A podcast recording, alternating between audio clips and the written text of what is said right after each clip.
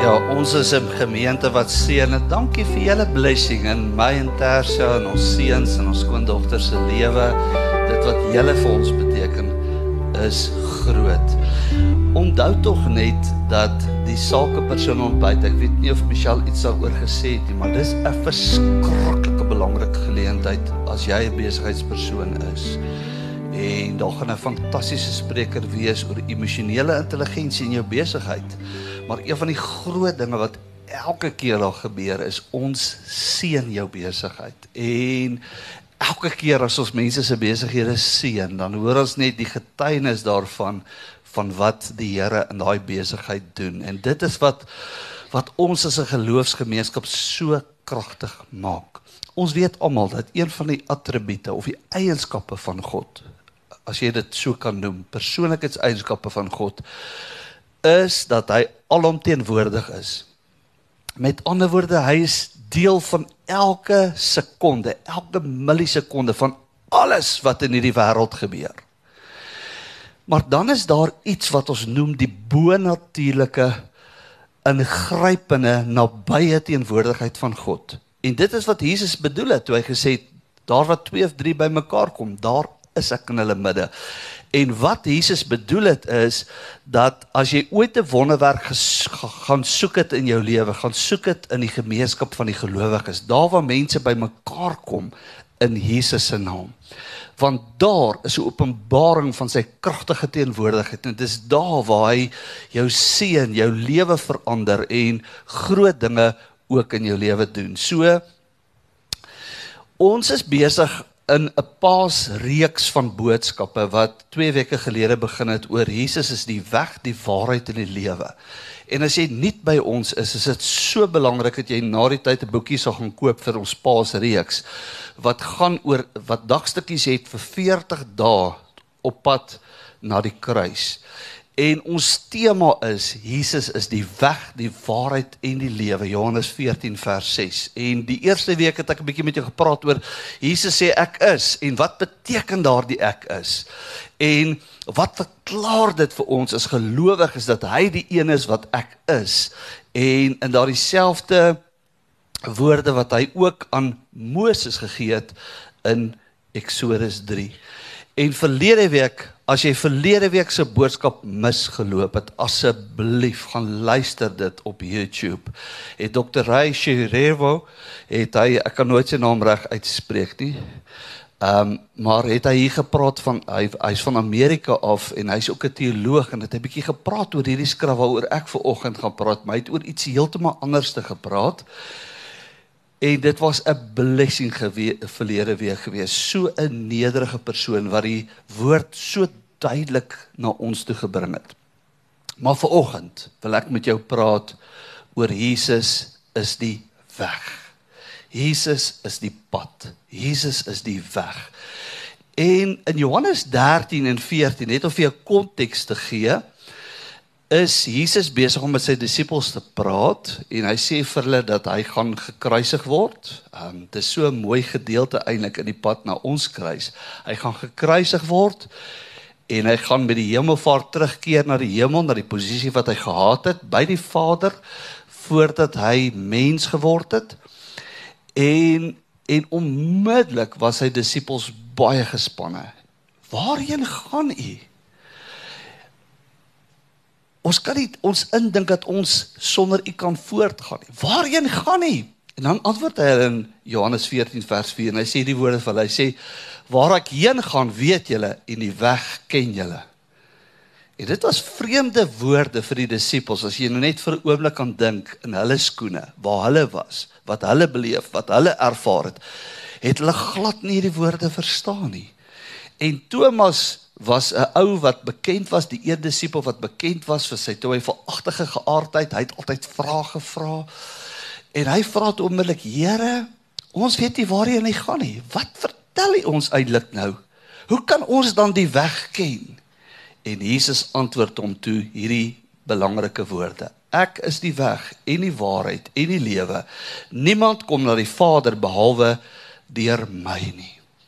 En ek wil vanoggend met jou praat oor daardie Jesus is die weg. Wat is 'n weg? 'n weg is 'n pad, nê, nee, waarop jy loop. 'n Roepte na 'n bestemming. En die woorde beteken eintlik drie goed. Beteken eintlik dat Jesus wys deur sy lewe vir ons 'n voorbeeld van hoe om te lewe. En ons gaan so 'n bietjie daaroor praat vanoggend. Jesus sê ook in die tweede plek daar is nêrens anderste om te kyk en om te soek na Jesus om die ware pad na God te vind nie. En dan verklaar hy in die derde plek dat hy is die enigste persoon wat jou waarlik na die ewige en na die heilige lewe kan kan neem. Dit is interessant om op te merk as jy dit nog nie agtergekom het as jy Handelinge gelees het nie. Dat Christene was aan die begin nie Christene genoem gewees nie. Hulle was mense van die weg genoem. Tot en met gelees 'n bietjie tot en met uh, Handelinge 11 vers 26. Eers in Handelinge 11 vers 26 was Christene vir die eerste keer Christene genoem. Hulle was net in Antiochia, daar in hedendaagse Sirië waar Paulus baie van sy tyd in daai gemeente deurgebring het. En dit was eintlik die gemeente wat wat Paulus gestuur het op sy 3 sendingreise. Maar vir die eerste keer daar was mense Christene genoem. Tot daar was hulle mense van die weg wat iets vertel het daarvan dat dat hulle was nie mense wat sommer net gepraat het oor God net alleen nie. Dit het nie in 'n soort van 'n kultuur vir hulle geleef ge, gewees nie. Hulle het die lewenswyse van Jesus Christus nagevolg. En as jy ook dit nie geweet het nie, die woord Christen of uh in in in die Griekse woord um beteken dit eintlik 'n volgeling van Jesus Christus. En wanneer Jesus sê ek is die weg, dan wil hy eintlik vir ons sê dis vir jou en vir my as ons Christene wil wees, verskriklik belangrik om te kyk na Jesus Christus se lewe. Dit is ons lewenswyse, ons lewenstyl wat ons identifiseer as volgelinge van Jesus. Nie die woorde wat ons praat en die feit dat dat ons vir iemand sê man ek is ook 'n Christen jy weet en en in ons samelewing het dit amper 'n slegte ding geword as jy vir iemand sê veral as jy in besigheid betrokke is man ek is 'n Christen net sodat daai persoon jou kan vertrou en almal van ons het sulke stories van mense wat die naam van Christus gebruik op hulle lippe maar dit beteken niks nie ehm um, hulle is absoluut ehm um, Hulle is absoluut gestroop van enige lewenswyse wat iets sê van Christen wees. So Jesus sê dan in hierdie konteks, ek is die weg, sê hy, kom volg my. Kom volg my. En vir ons beteken kom volg my vir oggend dat Jesus ons uitnooi om na hom te kyk dat die voorbeeld wat hy vir ons nagelaat het. Jy weet en dit was natuurlik een van die dinge ook in ons tuine van hoop. As jy ooit daar was, as jy nog nie daar was nie, asseblief na kerk gaan stap in ons tuine van hoop. Waar ons Jesus se lewe uitgebeel het in 12 uitgebeeld het in 12 verskillende stasies. En die hele idee was Jesus wat gesê het kom volg my. Ek is die lig van die wêreld. Wie my volg, sal nie in duisternis wandel nie, maar sal die lig hê wat lewe gee. En die idee van die tuine van hoop is dat jy gekonfronteer word met wie Jesus was, hoe hy geleef het, hoe hy opgetree het, wat hy gedoen het. En in daardie voorbeeld lei Jesus ons na ware lewe. Ek onthou 'n groot aanhaling van John Maxwell. Hy weet hy het eendag gesê a leader is one who knows the way, goes the way and shows the way. En dit is wie Jesus was. Hy het vir ons die pad gewys hoe ons moet lewe, hoe ons in waarheid moet staan, hoe ons by die ewige lewe en by die heilige lewe uitkom. Hy was ons ware voorbeeld. Hy's die enigste ware voorbeeld van iemand wat sondeloos geleef het, wat wat regtig die weg wys. En dan's daar die belofte, nê, nee, wat ek dan nou gesê het in Johannes 8 vers 12. As jy Jesus volg, as jy in sy voetspore loop, gaan daar iets kragtigs in jou lewe gebeur. Jy gaan 'n lig hê wat lewe gee in jou huisgesin, um, in jou persoonlike lewe, in jou verhoudings gaan daar 'n lig wees wat lewe gee. En daarom ons is ook maar bekend met klomp dinge wat ons kultuur gebeur. Nou dag sê iemand vir my hierdie aanhaling van what would Jesus do? En ek vra toe vir die persoon maar maar weet jy waar daai woorde vandaan kom?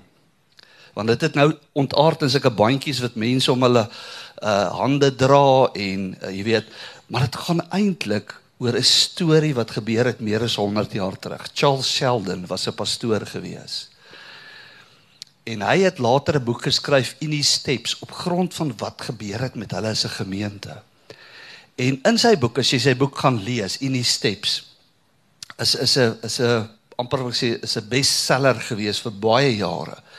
Vertel Charles Sheldon hierdie storie van hy het eendag het hy 'n um in hy was besig om sy preek voor te berei in sy studeerkamer en hy hoor iemand by die voordeur. Hy gaan na die voordeur toe, dit is 'n boemelaar wat vir hom vra help my. En Charles Sheldon was verskriklik ongeskik met hom. Hy was so moeg vir ouens wat hom pla en boemelaars wat aan sy deur klop en moenie nie sleg van hom dink nie. Ek en Tersia het vir jare lank in pastoreel langs kerke gebly. Jy maak die heel dag kos vir boemelaars. So moet hy nie hom kritiseer omdat hy die boemelaar weggejaag het nie. Hy was so moeg geweest. En die sonoggend in die kerk preek hy oor Jesus se voorbeeld. En net na die diens terwyl hulle nog almal in die banke gesit het, kom staan die boemelaar daar voor in die kerk en hy vra wat beteken dit om te doen wat Jesus sou gedoen het? En die volgende oomblik kry die boemelaar hart en hy sterf net daar. En daai gebeurtenis het Charles Sheldon so geskok. En hy het vir homself gevra, maar is ek regtig besig om besluite te maak in die voetstappe van Jesus? Is ek regtig besig om deur my lewe op te tree soos wat Jesus opgetree het? Is ek regtig besig om te doen wat Jesus sou gedoen het? En Charles Sheldon en sy gemeente maak toe die belofte dat hulle gaan vir 6 maande lank of ek kan nou nie onthou of dit 6 maande of dalk 'n bietjie langer was. Jy gaan hulle in elke besluit die vraag vra: What would Jesus do?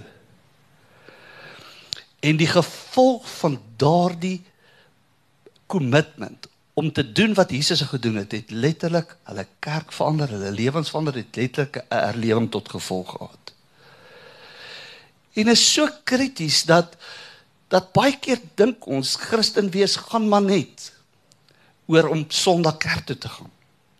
Gaan maar net daaroor om bietjie Bybelstudie te doen, die woord te lees en soms te bid. Maar dit gaan oor baie dieper dinge. Daarom dat die eerste Christene hulle self mense van die weg genoem het. Mense wat wat die vraag vra, what would Jesus do? Ek onthou hierdie humoristiese storie van 'n pa wat sy twee seuns by die skool aflaai. Sy een seun het sy been gebreek en uh, hy's op krikke. En en hy sukkel met sy tas en die pa vra toe sy ander sy ander seun om die broer se skooltas te dra. Waarop die seun antwoord: "Kyk as jy tieners het nie, hulle is verskriklik slim. Ek weet nie kom met hulle gaan studeer nie. Hulle weet alles." So die seun antwoord hom: "Ek kan, maar verkies om dit nie te doen nie." Die pa sien toe hierdie se mooi oomblik, die pa se gelowige, en hy vra vir die seun: "Wat sou Jesus gedoen het?" Waarop die seun antwoord: Jesus sou hom genees het sodat hy sy eie tas kan dra.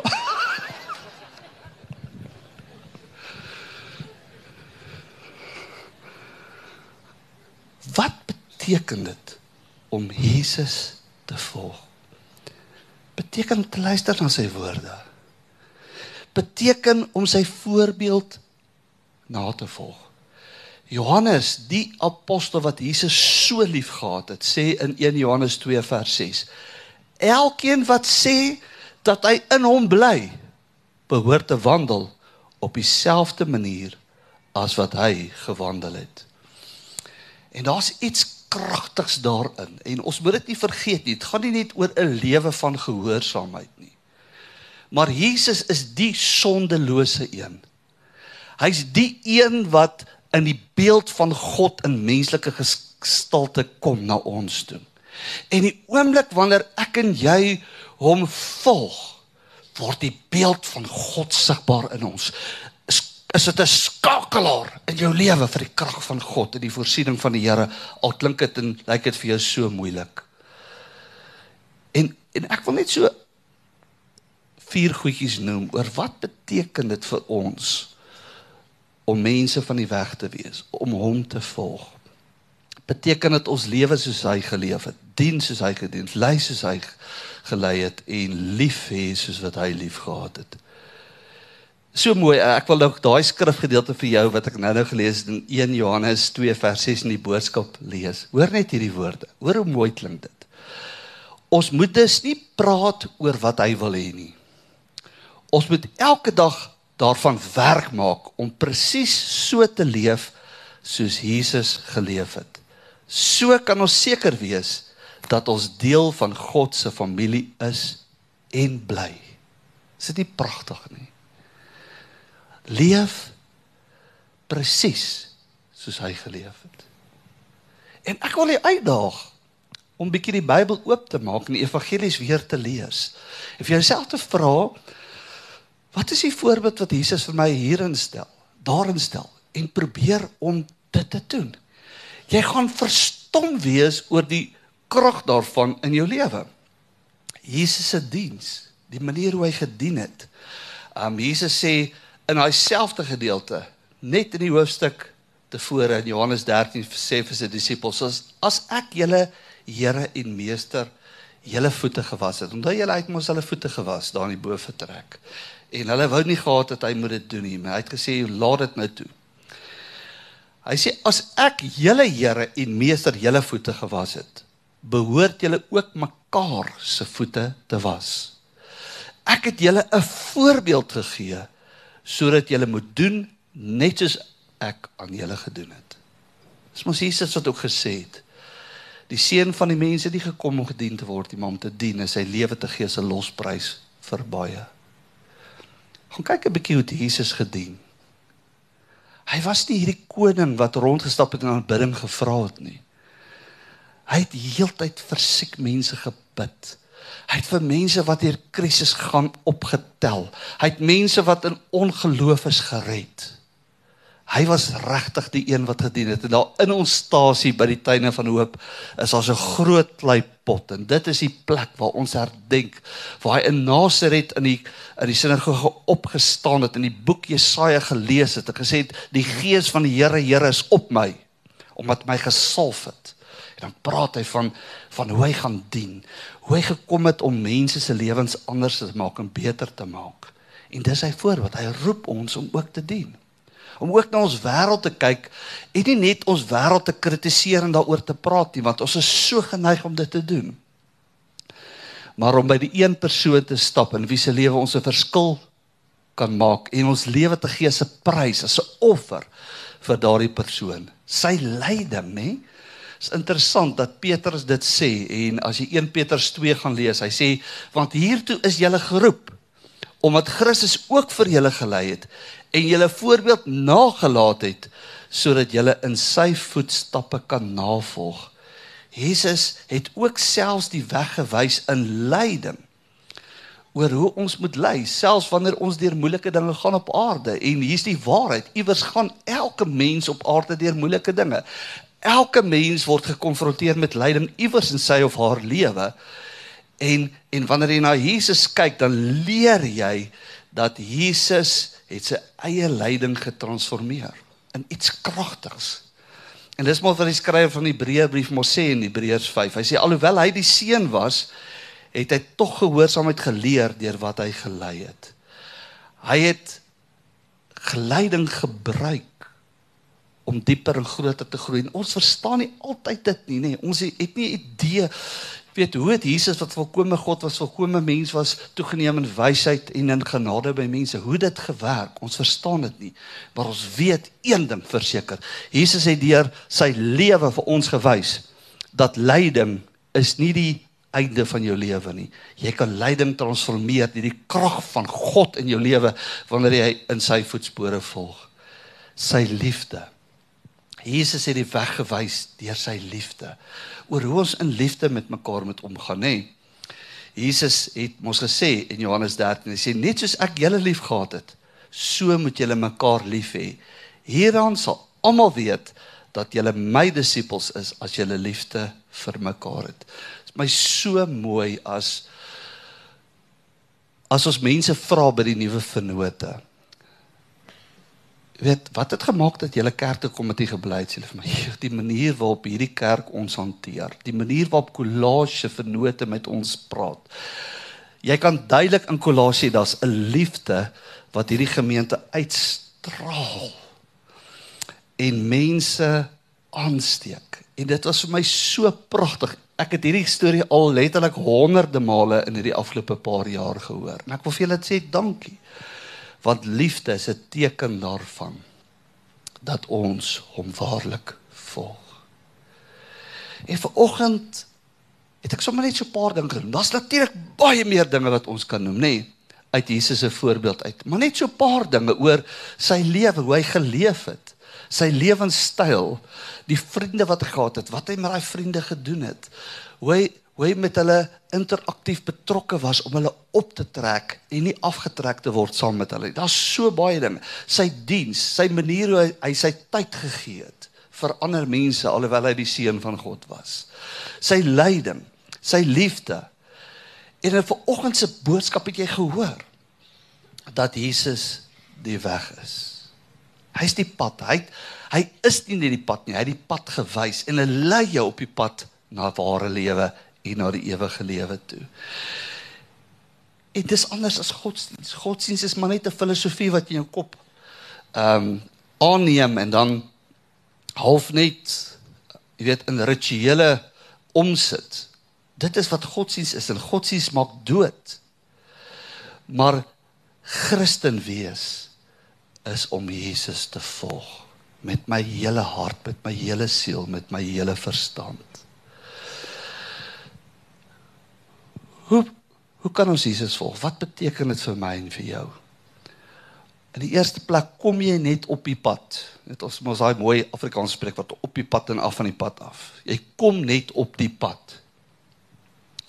As jy 'n besluit geneem het.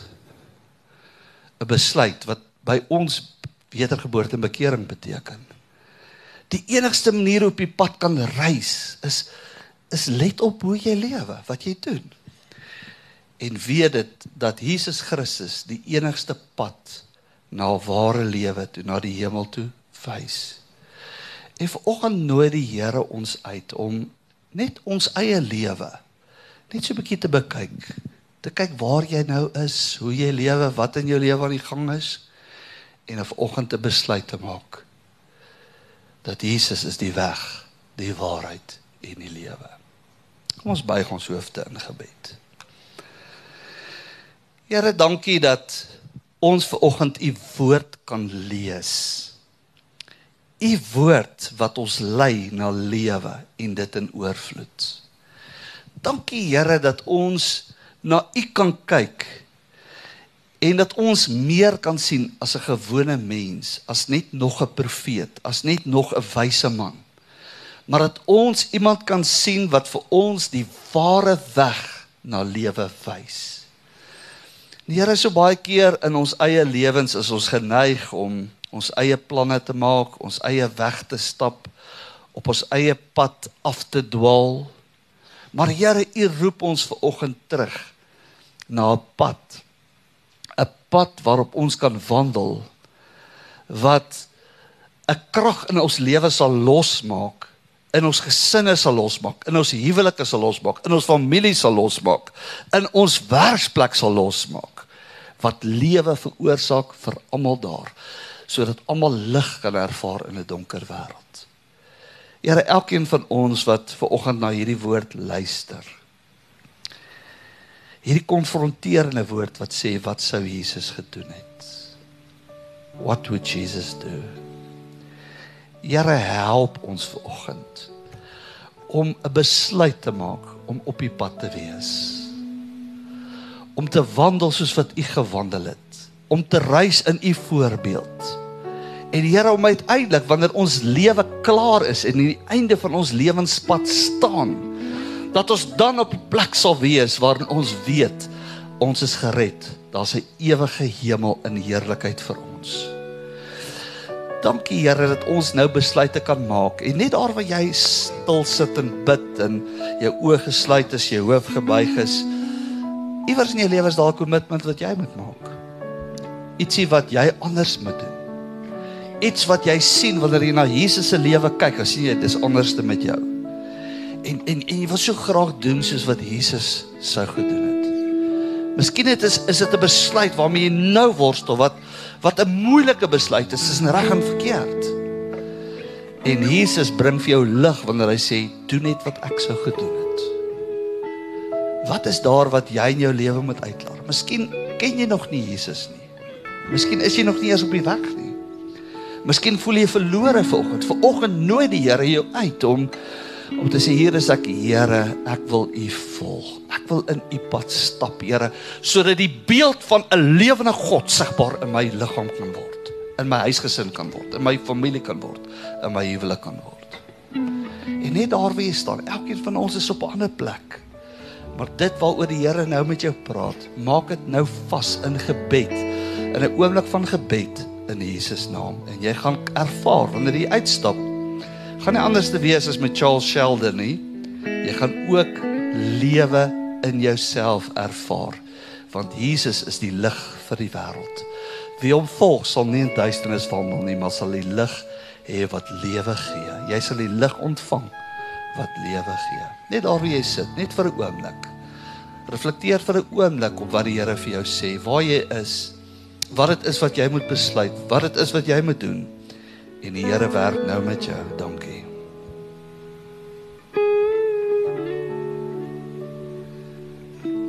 Here, ek wil vir elke mens bid wat ver oggend stil geraak het in hulle gees.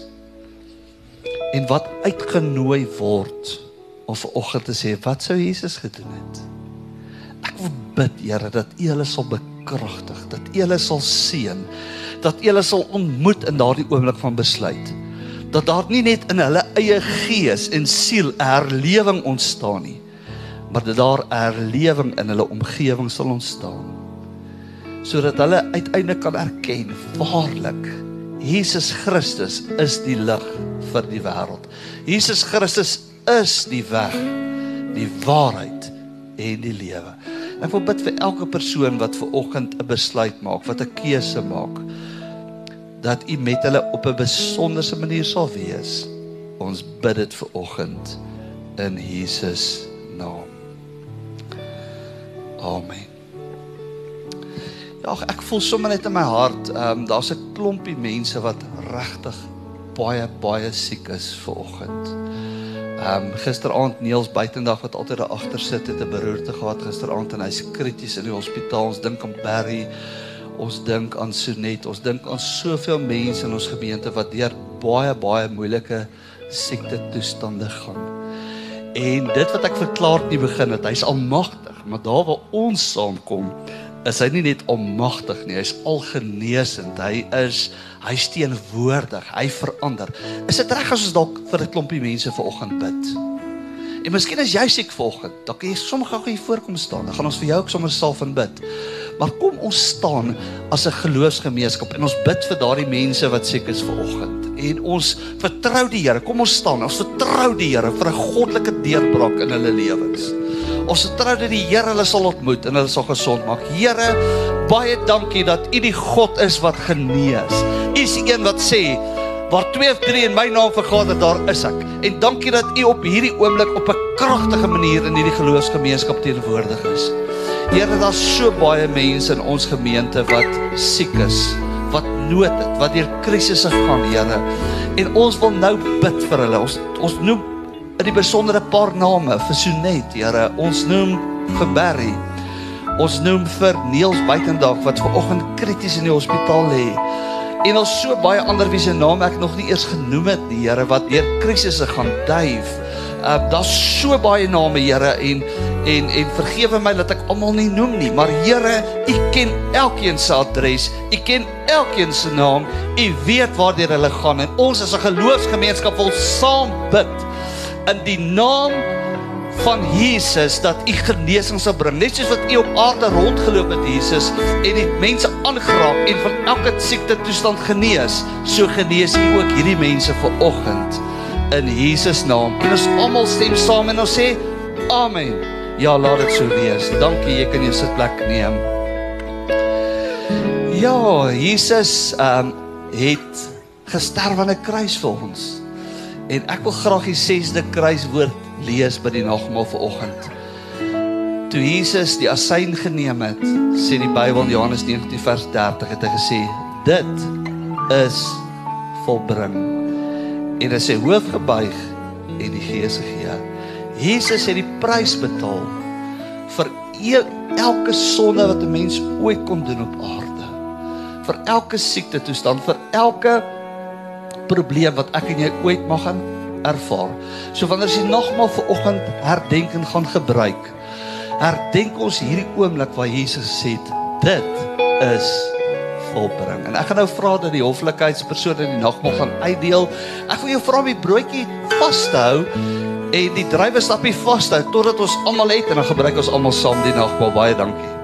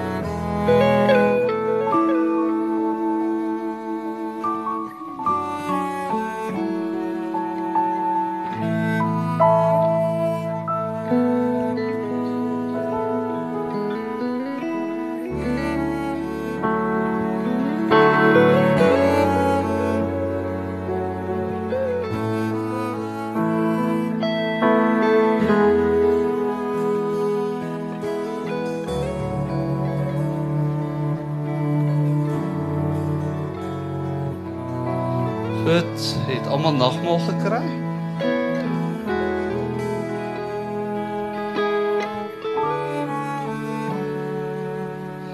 Ja, wanneer ek hoor Jesus sê dit is volbring.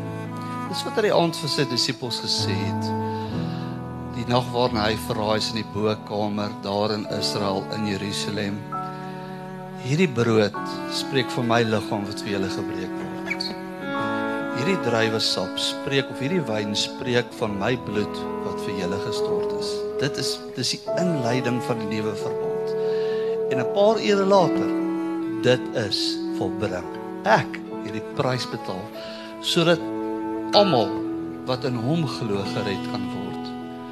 En dit is my so groot oom. Kan ons dalk almal staan voor die Here in 'n respek teenoor God wat aan 'n kruis hang en sê dit is volbring. Kan ons die broodjie so eet vanoggend? Sy liggaam wat vir ons gebreek is.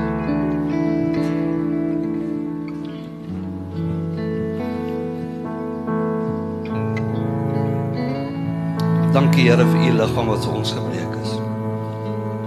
Net so ek die beker waar wat spreek van die nuwe verbond. Kom ons drink dit tot sy gedagtenis. Dankie Here dat u gesê het so dikwels as jy van hierdie brood eet, van hierdie beker drink, verkondig jy my dood totdat ek weer kom. Dankie Here dat ons deel kan hê aan die nagmaal vanoggend aan die tafel van die Here wat vir ons gedek is met u liggaam, met u bloed sodat ons gered kan word, sodat ons genees kan word, sodat ons herstel kan word. En ek wil bid Here dat die voordele van dit wat u aan die kruis bewerkstellig het, toe u gesê dit is volbring, dat daardie voordele na ons elkeen se lewe toe sal kom. Ons bid dit in Jesus naam. Amen. Sal ons liedjie